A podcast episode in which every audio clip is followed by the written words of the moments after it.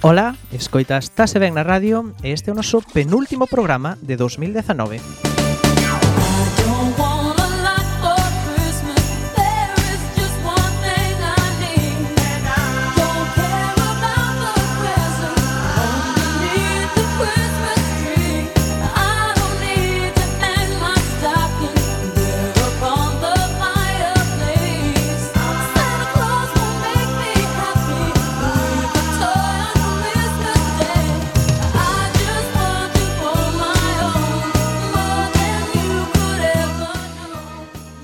penúltimo programa do ano porque aínda nos queda un máis o 31 deste mes. Hoxe temos connosco a Rafa e a Jonathan que participarán na sección da mesa de redacción, son dos coñecidos de Coac, así que están coma na casa. Boas tardes, Rafa, Rafa Jonathan. Buenas tardes, Miguel, que tal? Boas tardes. Que tal? Xa nos que ¿Eh? nos escoitan.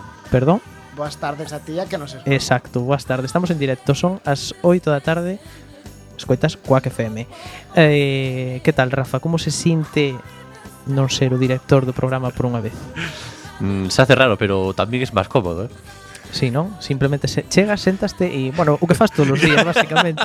Tampouco... que episodio con maldad, eh, Miguel? Eh, sí, sí, en fin. Eh, como decía, estamos en directo, son as 8 e pouco da tarde, creo que chove, bueno, non, non chovía, pero fai fresco. Eh, como temos moita tela que comertar, que cortar, comezamos xa co sumario de hoxe. Música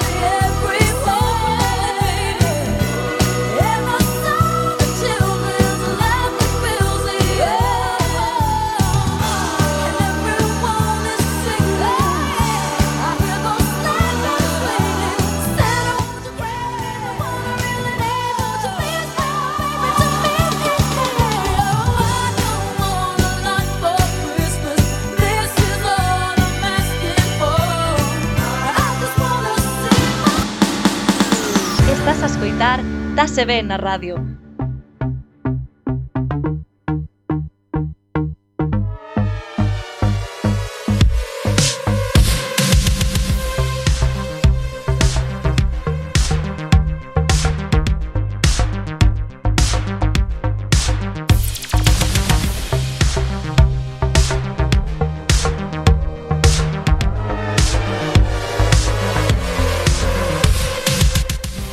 Hoxe comenzaremos con nosa sección da actualidade que ven cargada de novas variadas eh, na que non nos queda máis remedio que falar de da cobertura electoral, neste caso da feita pola BBC.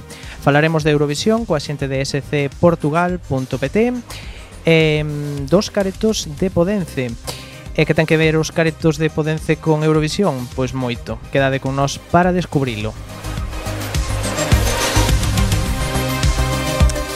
Teremos hoxe, xa que está aquí Rafa e Jonathan, unha mesa de reacción e debate cos que analizaremos eh, con quen analizaremos entre outras cousas a polémica de Gran Hermano que aínda a día de hoxe continúa.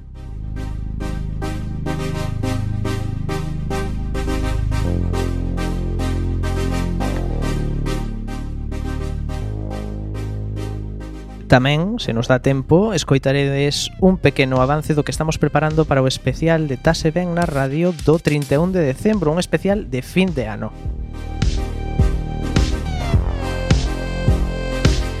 E de momento isto é todo, así que xa sen máis comezamos este programa número 4 de Tase Ben na Radio. Recorda que pode seguir nas eh, nos podenos seguir nas redes sociais en Twitter, Facebook e Instagram e comentar usando o hashtag TBNR4. Eh, se es de podcast, estamos en todas as plataformas, así que xa estás tardando en seguirnos.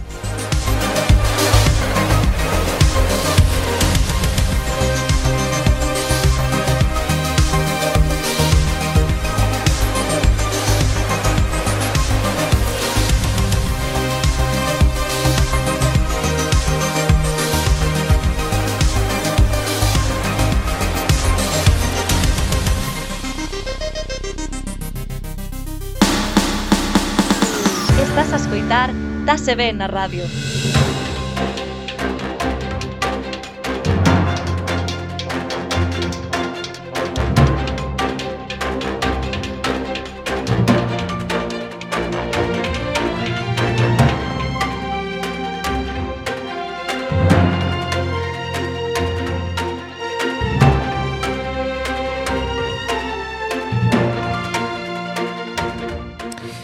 Traballadores da BBC teñen medo do risco de desconfianza pública despois da cobertura ele electoral, segundo informa o The Guardian. O director xeral da BBC expresou a súa exasperación con, segundo el, as teorías da conspiración sobre a cobertura das noticias electorais da emisora, embora algúns dos seus xornalistas teman en privado que os erros de, durante a campaña electoral poidan ter atinxido a confianza que o público ten na corporación. Tony Hall enviou un email mail á equipa na sexta feira pasada para agradecerlles o seu traballo na cobertura electoral da BBC, cobertura que sofreu un intenso escrutinio online. Isto sumouse ás críticas que recibiu tamén a canle pública británica por borrar unha peza informativa dunha peza informativa as garralladas da audiencia durante unha intervención de Boris Johnson no Question Time. Reporteiros tamén da BBC repetindo acriticamente as mensaxes dos Tories ou o silenciamento que se lle deu a negativa do primeiro ministro de participar nunha entrevista un a un con Andrew Neil. A pesar diso, aínda existen preocupacións nas redaccións da corporación de que esa campaña electoral foi un desafío difícil para unha emisora que busca precisión, di The Guardian. Máis de 30 xornalistas da BBC conversaran co Guardian sobre a cobertura da Canle nos últimos días de campaña. Unha das entrevistas que mm, desde eh, unhas entrevistas que van que se fixeron con eh, presentadores senior e produtores de nivel medio e contratacións recentes. Case todos que falaron anónimamente para dar as súas opinións eh, acreditaban fortemente no propósito e na importancia da BBC como unha forza unificadora de noticias obxectivas nun país dividido mais moitas levaran dúbidas sobre levantaran dúbidas sobre como a produción eh, na corporación pode soportar ese nivel de escrutinio.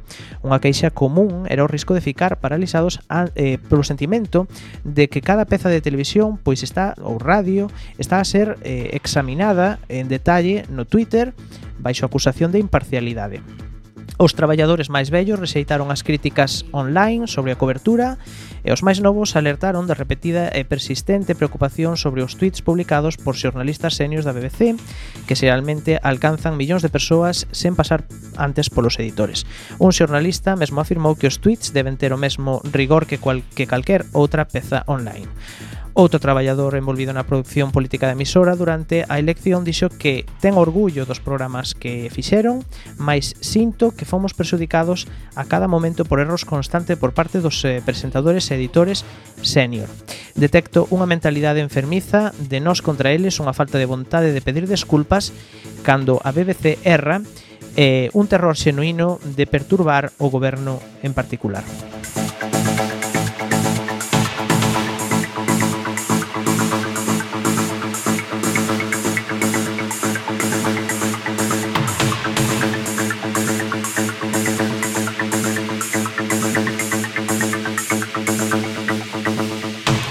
Almudena Ariza eh, renuncia a ser directora de informativos de TV. Ariza fora nomeada nova directora de informativos de TV, mais a xornalista renunciou onte luns despois de coñecerse os datos da consulta vin, non vinculante aos traballadores da redacción. Só 308 votaron a favor do seu nomeamento e 111 en contra dun total de 3.000 persoas. Almudena Ariza di non comunicado que a súa candidatura foi aprobada por unha maioría que non considera suficiente. A xornalista voltará ao seu traballo de correspondente desde París.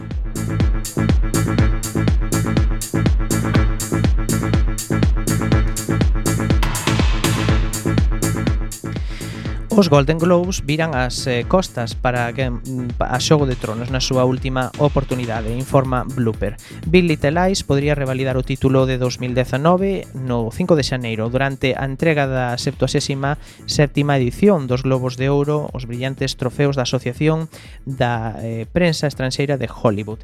A adaptación feita pola HBO do traballo homónimo de Liam Moriarty foi eh, nomeada ao lado de The Crown, Killing Eve, e eh, The Morning Show e a Succession da HBO tamén. Así a plataforma americana ten tres posibilidades de obter o, pre, eh, o premio de 5 nominacións e eh, 20 no total das eh, categorías.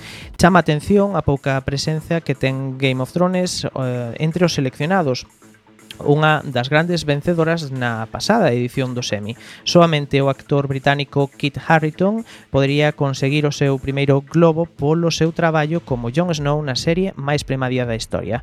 Ademais diso, os seguidores de Euforia, que son que se contan por millóns en todo o mundo, pois quedarán eh, coas gañas de ver as súas estrelas no patio de butacas de Beverly Hilton Hotel. Eh, tampouco haberá eh, representación española a pesar da, do enorme éxito da Casa de Papel, considerada a máis seguida de Netflix.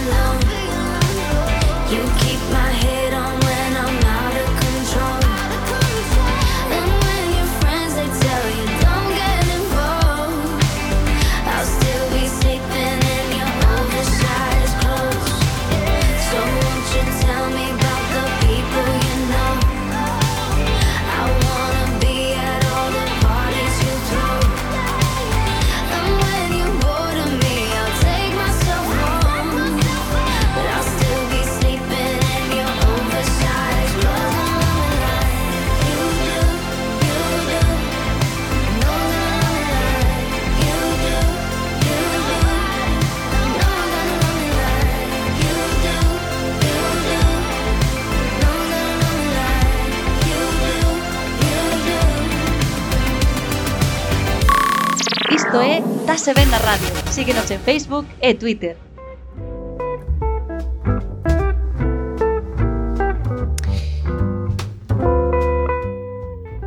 Pois seguimos en Tase Ben na radio E antes de seguir ca nosa sección Vou saudar outra vez aos nosos convidados Jonathan e Rafa Que Rafa, por certo, ti creo que tiñas eh, anuncio, que, Creo que deberías anunciar unha cousa Porque fixeches unha entrevista con un grande Con grande de España e de Galicia. Contanos Eh, bueno, pues eh, bueno, hace ya un tiempo entrevistamos a Carlos Blanco, pero no fue hasta hasta, hasta el- este sábado que lo emitimos eh, en Quack, ese, ese programa que lo tendréis ya subido ahora en YouTube. Y muy contento, la verdad. ¿eh? La verdad que Carlos ya lo habíamos entrevistado una vez, había estado ya una vez en, en Quack con nosotros. Y muy contento otra vez con él. La verdad es que es un cachondo y que da muchísimo juego. Y la verdad es que es una, una gozada entrevistarlo. Tens que invitalo de novo ao programa. Bueno, contanos porque, a ver, para quen non o saiba, Rafa ten un programa os sábados a unha hora maravillosa. Rafa ás 3, eh, non? Sí, de 3 a 4, sí. De 3 a 4 os sábados en Cuac, de que vai o programa? Pues el programa es La Regadera.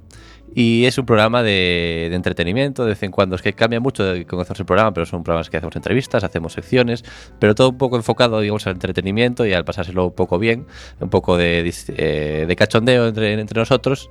Y, y sin más, y de vez en cuando intentamos traer a gente a la cultura, gente de eso, pero digamos que el, el objetivo del programa es primero pasárnoslo nosotros bien Uh -huh. y intentar que el que nos escuche pues que se lo pase bien con nosotros, claro. moitas veces conseguídelo. Muchas gracias, Miguel. Es que, es que tenemos moi buen técnico de sonido. Eh. eh quen será? Eh, bueno, pois eh, comezamos xa comentando unha, un par de novas eh, da, da televisión estatal que teño aquí. Non sei se vistes este programa co Talent España este sábado que foi noticia porque un concursante entrou en colapso diante do axombro do xurado leovos. O galego padro Pedro Volta tivo que ser atendido polos servizos médicos e confesou que nunca voltará a facer esca escapa escapismo. O ilusionista Pedro Volta evitou a morte dúas veces. A primeira foi hai un ano, durante unha performance na rúa, que na que se mantivo en cardio en parada cardiorrespiratoria por 4 minutos. A segunda foi esta noite do sábado pasado, durante o seu número de escapismo na semifinal de Got Talent España, Telecinco, que deixou a toda a xente do que estaba no Teatro Nuevo Alcalá, que é onde se fai este programa, coa alma en vilo.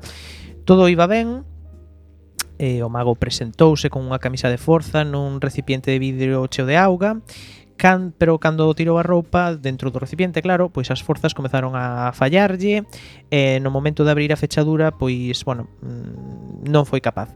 E, a, incluso, pois a cantante Durne decidiu deixar de mirar para o palco, e Paz Padilla parecía que estaba eh, rezando. Moitas das críticas que recibiu este programa nas redes sociais foi precisamente porque a xente pregúntase como é que Telecinco pode emitir este tipo de cousas, que vos parece? Eso, eh, justo estaba pensando yo eso, o sea, estaba pensando, ¿esto pasó o, o digamos en el mientras lo grababan, claro, si, si lo bueno, se emitió después. No, pasou, pasou. Claro, claro. Das cousas que non debería emitir Telecinco xa non habería canal, se empezamos a quitalas. Eso é o primeiro. Sí. Pero a verdade é que debido a que hai certa edición do programa despois de, de gravalo, porque iso non é, era en directo. Sí. Entón, no, no, non era en directo. Por eso é o que digo, non era un programa en directo. Entón, eh, por que eh, ese negrismo de ensinar cousas que se a mesma xente que estaba ali xa o estaba pasando mal, obviamente o a persoa que o sufreu máis foi o concursante. Por que promovelo na televisión? Hmm. Te explico yo, porque da audiencia. Sí. Ni, ni más ni menos. Home, pero, eh, a ver, eu vin o vídeo Eh, a ver, a ver. Ay, pues, no lo verías eh, por el morbo, claro. Mm, non, pero quero decir, vin o vídeo porque, mm, a ver, eh, eh, para preparar a noticia, pois eh, tiven que ver o, o vídeo. Eh, a verdade é que é unha cousa bastante bastante difícil de ver, bastante chocante. Desagradable. Hmm. Sí, sí, claro. Hmm. Pois, a verdade, na miña opinión, eh, eh, mais non non sento únicamente po, polo, polo mal momento e pola saúde do, do concursante en sí, senón tamén porque eh, un fracaso da, da televisión que supostamente está aí para ensinar espectáculo e, e ese fracaso espectáculo como é o caso pois non é unha cousa que, que unha persoa deba, deba ensinar. Sí, yo estoy, estoy de acuerdo. O sea, digamos que esa parte no ha salido bien. Mm, Bueno, pues no pasa nada. Se, se ayuda a ese chico que le ha pasado eso. Se quita esa parte del programa y, y ya está. ¿no? O sea, Agora ben, estas cousas pasan, el supoño que, que, que sabería do, dos impedimentos e dos, e dos contras que tería facer este, este show en particular. Uh -huh. eh, por iso penso que a decisión que tomou de non volvelo a facer pois está ben tomada. Está acertada, es acertada, sí, la verdade. A verdade que... é que a saúde o primeiro... O... E además si é a segunda vez que le pasa, sí. eh, a la tercera... Iso de todo polo espectáculo a, ten certo límite. A vida mm. humana, por exemplo, pode ser ben un deles, pero A verdade é que non, na miña opinión, eh, non lle fai ningún favor nin a persoa nin ao propio programa ensinar eh, contenido tan gore como pode ser unha persona afogándose. A verdade é que mesmo en directo e, e, e ver que a xente o está pasando mal, só que a xente que estaba presente nese día da grabación, eh, mm. xa teria que ser suficiente para, para di, dicir que non vamos a emitir isto. Ujú. Sí, porque claro, si es indirecto, entonces las cosas buenas, el cosas del directo que ha pasado, pero claro, si luego tú lo editas para poner bien, bien, como está el tío que casi muere, Eh, bueno, a ver, é un pouco querer xogar co morbo, creo eu, e querer facer sí, sí. negocio con unha cousa que, a ver, que o señor mm, eh, eh, o debería estar pasando nese momento bastante mal e ao final Telecinco pois pues, está ganando pasta con estas cousas. Bueno, para empezar, a min o Got Talent en España xa non me gusta nada, parece un programa que sempre ten o mismo tipo de actuacións e cando meten este tipo de cousas, pois pues, desagradan, o sea, causame incluso máis eh, rexeitamento, o sea, a min non me gusta. A, a verdade non sei que pasa a España con estes programas que exportamos, salvo a excepción dun programa que creo que vamos falar de, despois de Gran Hermano. Despois, despois, máis eh, adiante. Eh, bueno, a verdade é que todos estes programas que funcionan noutros países, sobre todo escoitas tú do, do Britain's Got Talent, de, hmm. de, do Reino Unido e do American Got Talent, en, eh, ali funcionan todo, aí funcionan The Voice funciona Got Talent, funciona X Factor. E, e chegan eses programas a España e non mm. sei que fan con eles. Que, que Adáptanos que, demasiado, ah, creo. Exactamente. Creo, creo Adáptanos demasiado. Outra cousa, pasamos a outro tema. Viva la vida. Detalla un programa de Telecinco, Rafa, detalla como desmembrar un corpo e non deixar nin rastro en directo, segundo lemos en El Confidencial. A presentadora do programa saúda aos tertulianos e a Leopoldo Monasterio, presidente da Sociedade Española de Psiquiatría Forense, invitado para tratar este asunto. Emma diríxese primeiro aos espectadores e despois a Leopoldo. Di dá a sensación de que es fácil descuartizar un cuerpo. No sé si es un arrebato, un impulso o qué perfil psicológico tiene el supuesto asesino, que es en este caso acaba haciendo esto. ¿Qué está pasando? Pregunta Emma. Entón, responde eh, o invitado. Me han preguntado sus compañeros, di Leopoldo Monasterio, si es complicado descuartizar un cadáver. Yo tengo una experiencia en el ámbito de las autopsias, además he consultado con colegas míos que están cada día en la sala de autopsias. En realidad, con una sierra manual de estas que te venden en la ferretería y con un poco de paciencia, puntos suspensivos, son as palabras do experto antes de ser interrumpido polos tertulianos. Enma fainos calar e si eh, pide ao experto que siga con tan que sigas con súa explicación. no, no, que continúe, dice Emma. Leopoldo sigue entón detallando cómo descuartizar un cuerpo humano. Hay que hacerlo en un lavadero porque se evacúa mucha sangre o en la bañera. En ocasiones se ha hecho con una bolsa de plástico grande de un contenedor de basura. Tal e como era de esperar, algúns espectadores mostraron o seu asombro nas redes sociais ao ver como un programa de televisión en horario de tarde, que con protección máxima, mostraba eh, en directo, en horario de tarde, como decía, como levar a cabo esta práctica con todo tipo de detalles. Eu quedei asombrado lendo estas cousas. a culpa, del, culpa del señor, ¿no? es? Si le han preguntado, pues él, él lo explica. ¿no? Hombre, sí, pero ay, a ver, No, non é por nada, pero hasta no CSI todo pinta moi ben cando unha persoa van aí a, a tratala. En Telecinco fai non sempre o máis gore posible. Mm. o sea, nin, nin son especialistas neso e van directamente non sei por que non inverten en películas de terror porque ao final o terror o terror psicolóxico deste de, de que os seres humanos ao final somos o peor e xa non fai falta os espíritos ni nada para aterrizar alguén pois Telecinco. Se, Xa, novas series de Netflix. Eu creo que debería haber un límite de todas formas, eh. Sí, pero aparte eso no puede, ser, puede llegar a ser, de, es porque decías tú, pues, a, ser, a ser un horario de protección. Eh, no sei que límites hai como para non...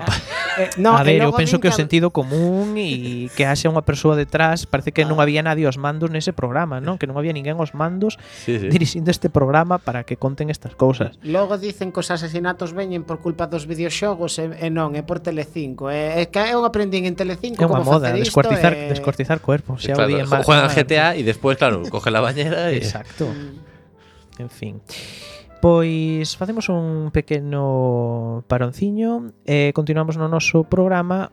Oxe, eh, a continuación falaremos coa xente eh, de Portugal da scportugal.pt eh, falaremos de Eurovisión. Así que non vos vaiades a sabes, isto é Quack FM Signs, you're careful not to let the smoke inside. I always tell you it's poison.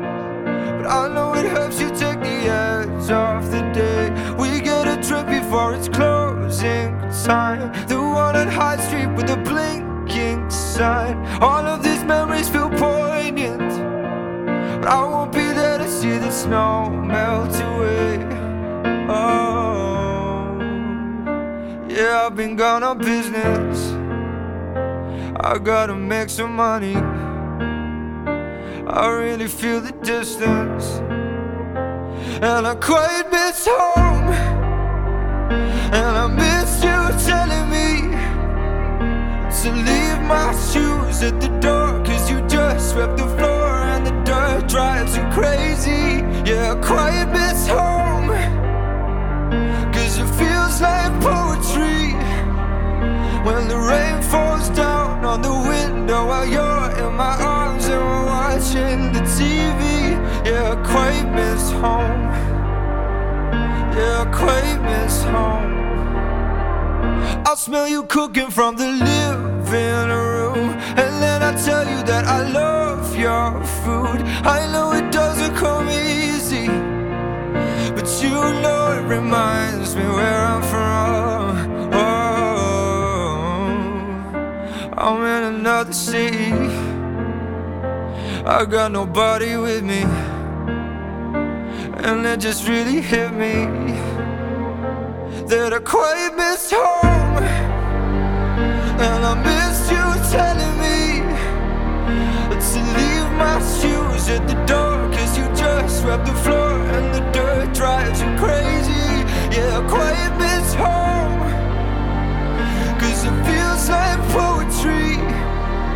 And the rain falls down on the window While you're in my arms and we're watching the TV Yeah, I quite miss home. Yeah, I quite miss home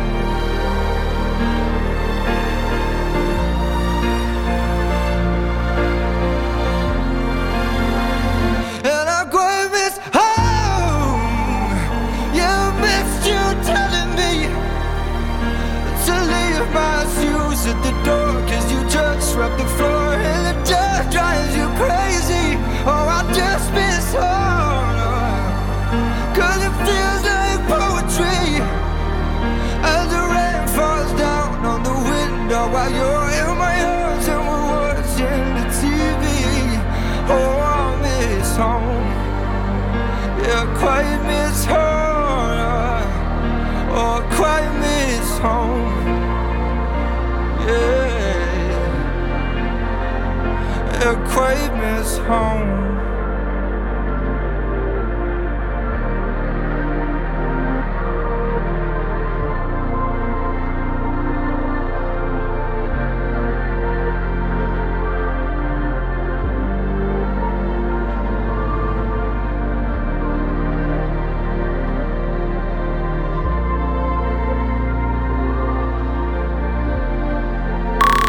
Isto é Dase Venda Radio. Síguenos en Facebook e Twitter.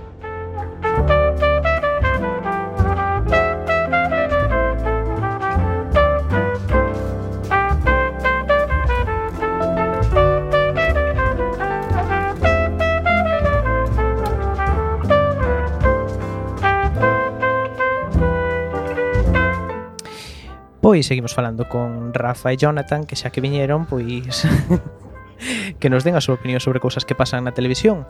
Hoxe vamos eh, continuamos tratando un tema bastante peliagudo que eh, durante xa tres semanas pois leva dando bastante que falar, que é o tema de Gran Hermano e esta, eh, este abuso sexual, bueno, suposto abuso sexual que agora mesmo está sendo obxecto de, mm, de suizo, eh, suizo nos julgados, porque Mediaset eh, cancela Gran Hermano Dúo Polo caso Carlota e adianta superviventes. Mediaset España encontrou a maneira de sortear a historia a histórica eh, fuga de anunciantes de Gran Hermano VIP tras o caso Carlota e que amenazaba con eh, amenazaba a produción da nova edición de Gran Hermano Dúo. Entre as opcións que tiñan que se tiñan contemplado encontrábase pois a posibilidade de cambiarlle o nome ao formato ou rescatar outro reality exitoso do pasado como acorrelados.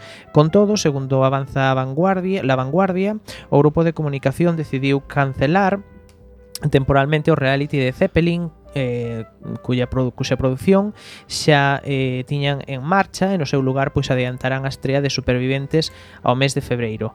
Para este cambio de cromos, como din en La Vanguardia, no obstante, eh, Mediaset España tivo que negociar coa súa matriz italiana xa que a versión daquel país de Superviventes eh, levase a cabo antes da española.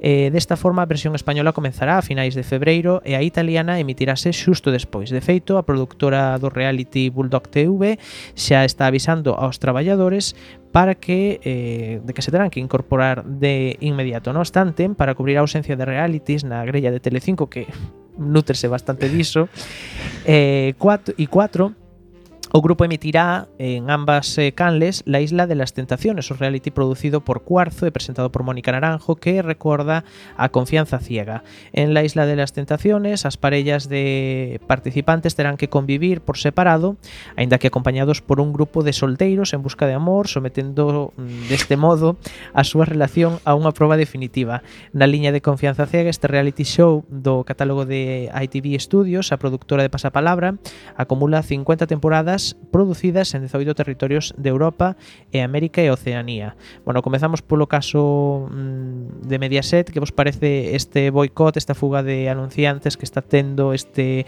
reality de Telecinco con motivo do, do, do caso Carlota, como din en, en La Vanguardia. Pues a ver, en este caso muy bien por los anunciantes, que no suele ser habitual, porque yo para mí yo siempre asocio, digamos, el tema anunciantes, el tema publicidad, a un poco eh, que cuidado por dónde vas a ir, sobre todo políticamente o ciertas medidas, que a ver por dónde vas, porque si me puedes perjudicar de alguna manera, uh -huh. te quito el anuncio.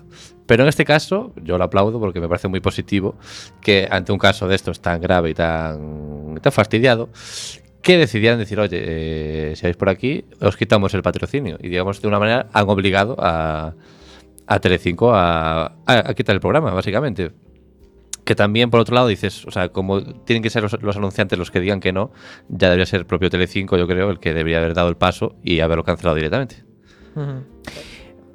A ver, eu estou a favor deste boicot, pero tamén é verdade que eh, os anunciantes apoian outros programas e outros realities de, de Telecinco que, se, que, que falan deste tema, que falan deste asunto E eh, bueno, a ver, un pouco hipócrita a veces tamén, eh, pero a min parece ben que os anunciantes eh, tamén é unha forma de ver o poder que ten que teñen os anunciantes e as marcas, non? Que poden incluso eh, pois facer que un programa como Gran Hermano que lle dá moitísima audiencia a Telecinco pois teña que ser casi non cancelado, eh, Mediaset non casi non utilizou esa palabra, pero sí, eh, en na realidade casi cancelado, non? Stand-by. En stand-by. ali porque é demasiado bo para, para ser verdade.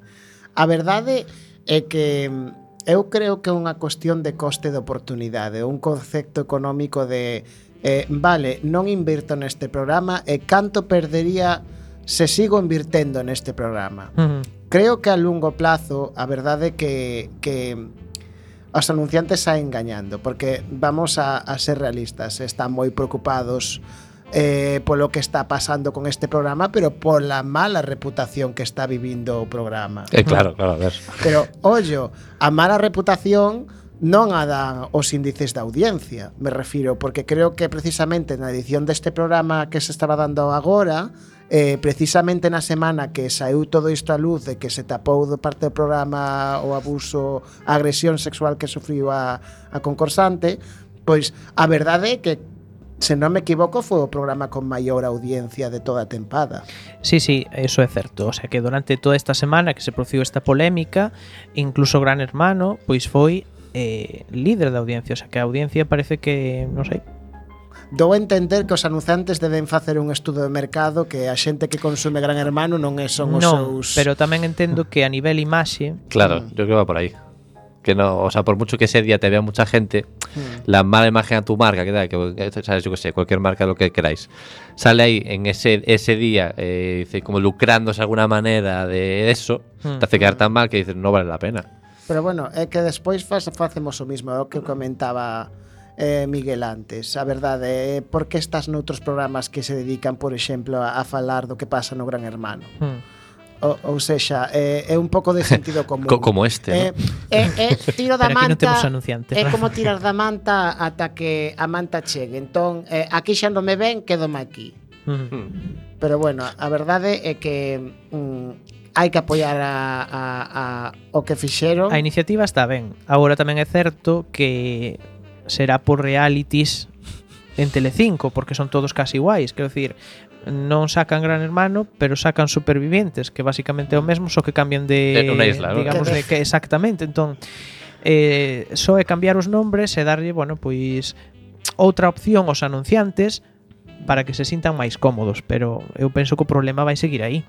Que de feito fixadevos como funciona que se non os distes conta eh, nos últimos Gran Hermanos eh, e nos últimos Superviventes e todo isto xa só so escollen famosos porque antes había Gran Hermanos e que Gran Hermano era un experimento sociolóxico ya, chamémolo así cando cando Milá gobernaba como digo eu eh, Eh, a gracia era ver xente que ninguén coñecía eh, estar ali, pero nos últimos eran sempre xente famosa.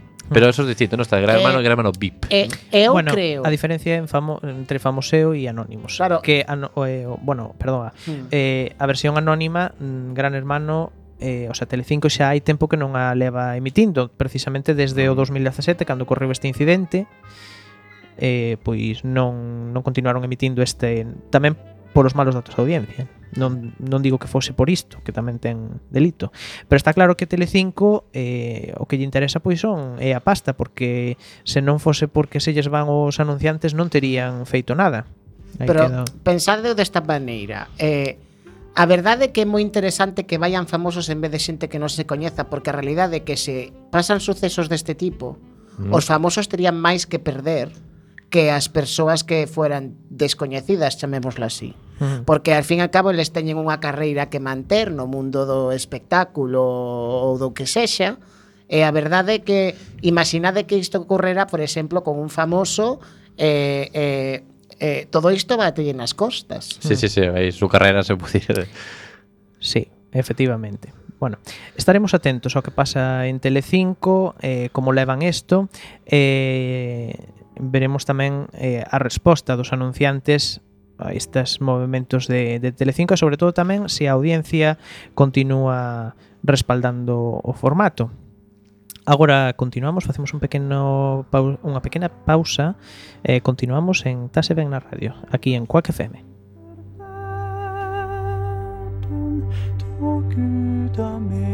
Mensan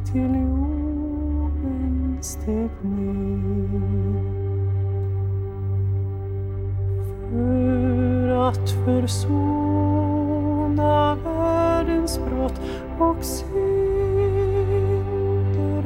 För oss han dödens smärta led. Och hoppets stråle går igenom världen och ljuset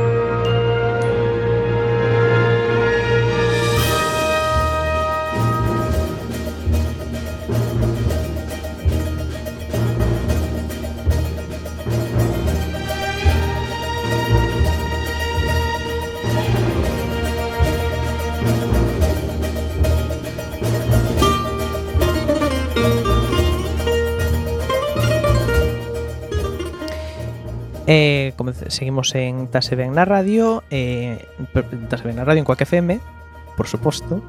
Eh, saudamos xa a Nuno de scportugal.pt que o temos o teléfono. Boa tarde, Nuno. Boa tarde, olá a todos. Hola, boa tarde.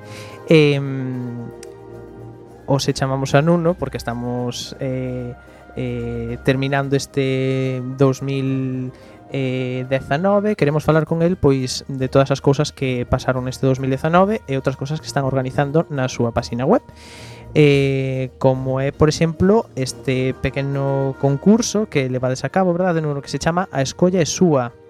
Polo sétimo ano consecutivo, eh, o scportugal.pt deu a oportunidade aos seus leitores e eh, leitoras de elexeren o candidato ideal para representar a Portugal no Festival de Eurovisión. Eh, Nuno, eh, quen sería neste caso a vencedora? Pronto, este ano, eh, pela primeira vez, tivemos a Joana Alegre, uma, uma cantora, ela já tem uma carreira na, na música em Portugal, mas agora voltou a estar em destaque porque entrou na, na atual temporada do, do The Voice Portugal Uhum. e Pois, conseguiu ser a escolhida. Sim, sim? pois eh, antes de continuar falando de Joana Alegre, vamos a escoitar, vamos a escoitar como canta. High in the halls of the kings who are gone, mm. Jenny would dance with her ghosts. Oh. The ones she had lost and the ones she had found, and the ones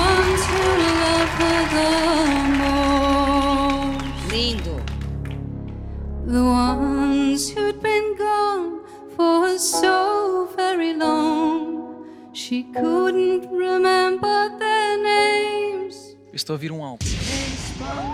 Esta que estamos escoitando de fondo é Joana Alegre. Eh, Nuno, contanos un poquinho máis de Joana Alegre. Quen é, de onde é? Pronto, é assim, como tinha dito anteriormente, a Joana já, já anda na música há vários anos, apesar de ainda não ter assim uma grande carreira junto do público, já tem alguns álbuns lançados, tem também algumas parcerias e agora voltou ao- a tentar o seu lugar na música através do, do Voice. Chegou- Está nas galas ao vivo, que, que vão começar no, no próximo domingo e é apontada como uma das favoritas mesmo à vitória. Também de realçar que a Joana Alegre é, é filha do Manuel Alegre, que é um dos políticos mais conhecidos em Portugal, um dos históricos do Partido Socialista em Portugal e que já foi inclusive candidato a Presidente da República. Madre mía. Filla dun político. Sí. Mira, eh, Diogo Pizarra, que tamén é outro é o, o, o digamos finalista, non? Porque foi o que quedou en segundo lugar. Ficou en segundo lugar. Parece que os fans portugueses aínda seguen querendo ver a Diogo Pizarra representar a Portugal. Por lo menos os vosos leitores. Sí.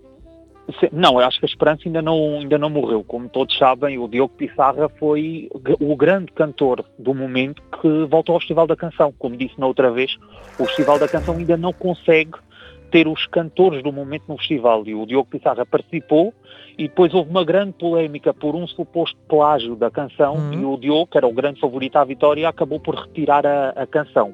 Mas ainda continua a esperança que o Diogo, mais ano menos ano, volte ao Festival da Canção. Vamos recordar quen é Diogo Pizarra por si os nosos ouvintes non, non saben quen é. Uhum. mundo tua miragem não há amor que dure nem tristeza que passe tu olhas para tudo Como crees que se tomou Diogo Pizarra toda esta polémica que houve Nuno o ano pasado? Foi o ano pasado, Eh, non? acho que sim, sim, foi em, 2000 e- foi em 2018. Hum. Acho que mesmo assim o Diogo Pissarra já mostrou que é um dos melhores cantores e melhores compositores e até mesmo um dos melhores produtores que já tivemos em, em Portugal. Acho que ele passou muito ao lado da polémica, apesar da polémica não afetou em nada a carreira. E ele, agora além da carreira em Portugal, também já tem uma grande carreira como produtor em Espanha. Ele tem trabalhado atualmente com o António José, um cantor também do momento em Espanha, e também tem algumas parcerias com alguns cantores também bastante conhecidos no mercado espanhol. Uhum. Por certo que Diogo Pizarra creo que produciu o disco de ou algunha canción de Sabela, unha das eh, cantoras galegas que participou en Operación Triunfo, non? Operación Triunfo, exatamente, eu, eu foi o compositor dunha das canções e foi o produtor do disco todo. Inclusive ela gravou o disco entre Galiza e, e, Lisboa. E Lisboa. E eu creo que se nota nas cancións tamén, o tipo de música que, que fixo Sabela. Moi, un disco moi valorado, por certo, entre as críticas moi moi ben recibidas. Eh, crees ti que em, as, estas acusacións de, de plasio eran certa? Quero dicir, eran eh, tiñan razón a xente que os acusaban de, de plasio?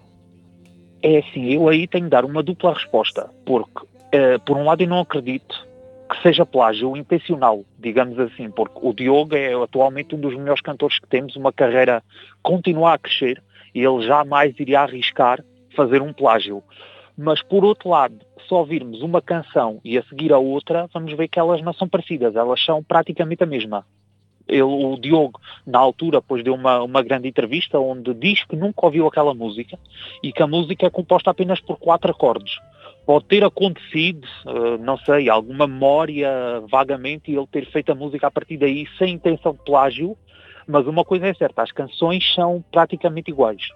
E na altura, ele antes de anunciar a retirada, até isso passou de um rumor, não, nunca foi confirmado, mas diz que a RTP procurou junto da, da EBU, que é a organizadora do Festival da Eurovisão, e perguntou se a canção do Diogo ganhasse o Festival da Canção, se estava autorizada para participar no Festival da Eurovisão, porque o Festival da, Eurovisão não permite canções que sejam anteriores a 1 de setembro do ano anterior. Uhum. E o Diogo acabou por retirar a canção, se calhar houve alguém lá de cima que disse que a canção não poderia participar no festival Hum. da Eurovisão e o Diogo acabou por retirar. Mas tamén foi decisión súa, non? Porque realmente o Festival da Canción da Canção non, non o obrigou en ningún momento. Ou polo menos que nos saibamos.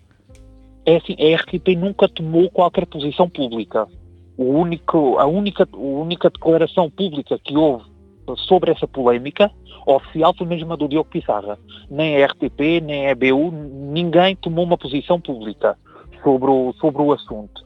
Eh, houve também alguns compositores, houve alguns maestros que vieram sair em defesa do, do Diogo Pissarra, mas a nível da RTP nunca, nunca veio tomar a posição do género foste obrigado a desistir ou não cumprias as regras, nunca foi tomada nenhuma, nenhuma posição. Uhum. Crees que algunha vez volveremos a ver a Diogo Pizarra no Festival da Canção? Da Canção?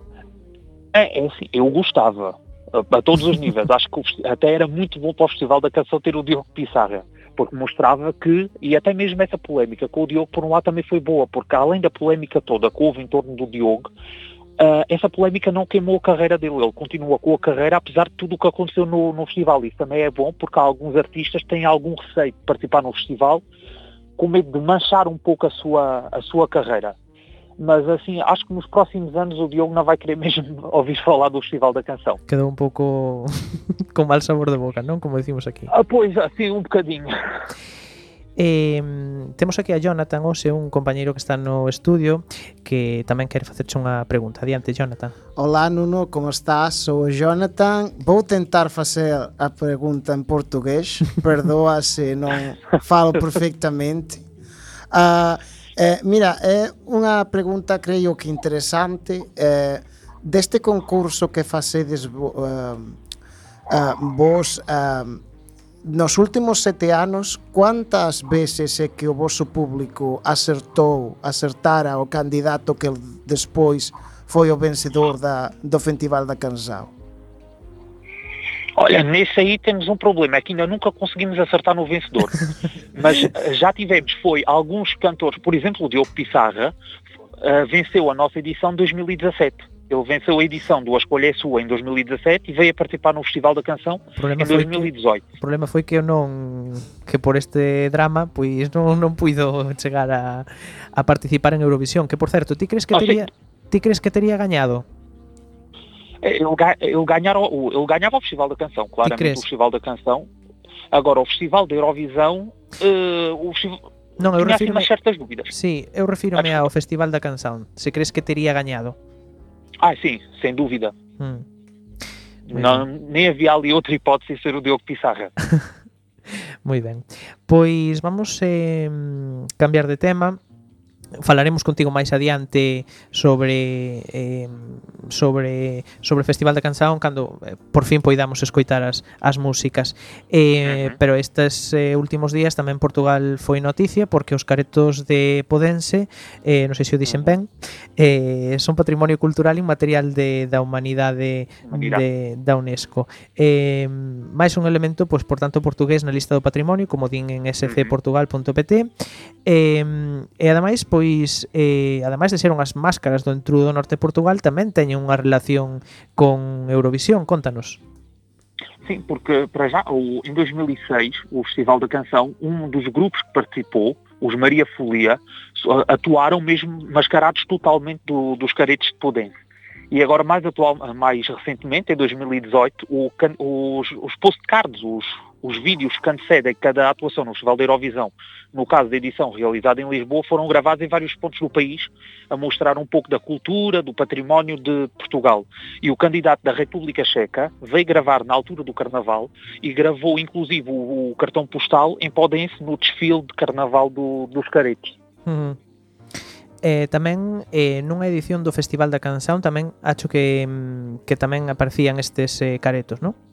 Sim, sim, sim, em 2006 os Maria Folia com a canção, acho que era bem mais além, era a canção, até foi assim uma das que era das mais cotadas para ir ao Festival da Eurovisão, acho que acabou em quinto lugar no Festival da, da Canção, subiram mesmo ao palco os fatos de caretos, só faltava eram os chocalhos, conhecidos na parte de trás dos fatos, só faltavam mesmo os chocalhos, mas o fato era totalmente o fato de, de careto de Podense. Mm, Eh, tamén agora tendes outro con outro outra sondaxe na no voso site eh, da mellor canción da dec, da canción da década do Festival da Canción. Cale para ti a Uhum. mellor eh, canción da década do Festival da Canción? Epá, é assim, isto, apesar de não, não querer tomar assim partidos, acho que há uma canção que, por todas as razões e mais algumas, merece ser a, A a ver, melhor di- canção da, da Dio, década, dio, dio. é, o, que é o Amar pelos Amar Dois, pelos do, Dois, do Salvador Sobral. Moi Acho que aí não vai haver dúvida, mas por um lado nós também quisemos fazer essa iniciativa de um certo ponto também recordar todas as canções que participaram no, no Festival da Canção nesses anos, porque foram mais de 100 canções que participaram no festival.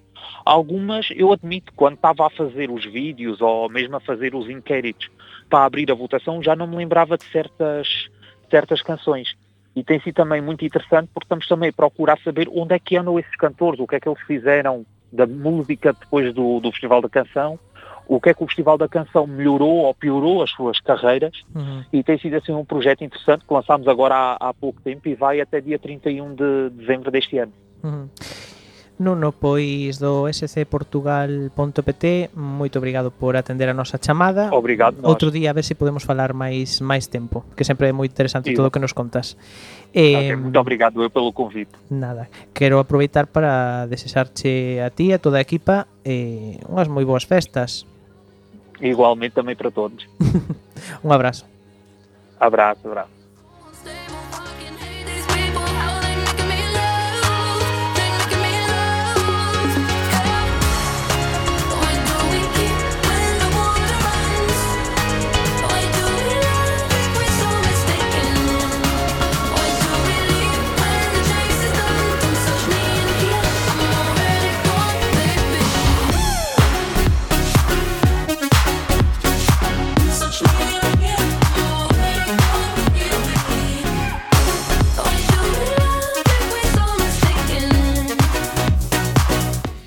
Bueno, pois que nos temos que que xa vai sendo hora.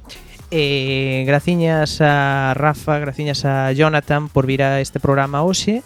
Eh, que estáis invitados para para vir cando que irades.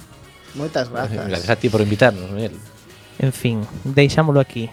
Que teñades unhas moi boas festas e vémonos no noso especial do día 31 ás 8. Non faltedes. Chao.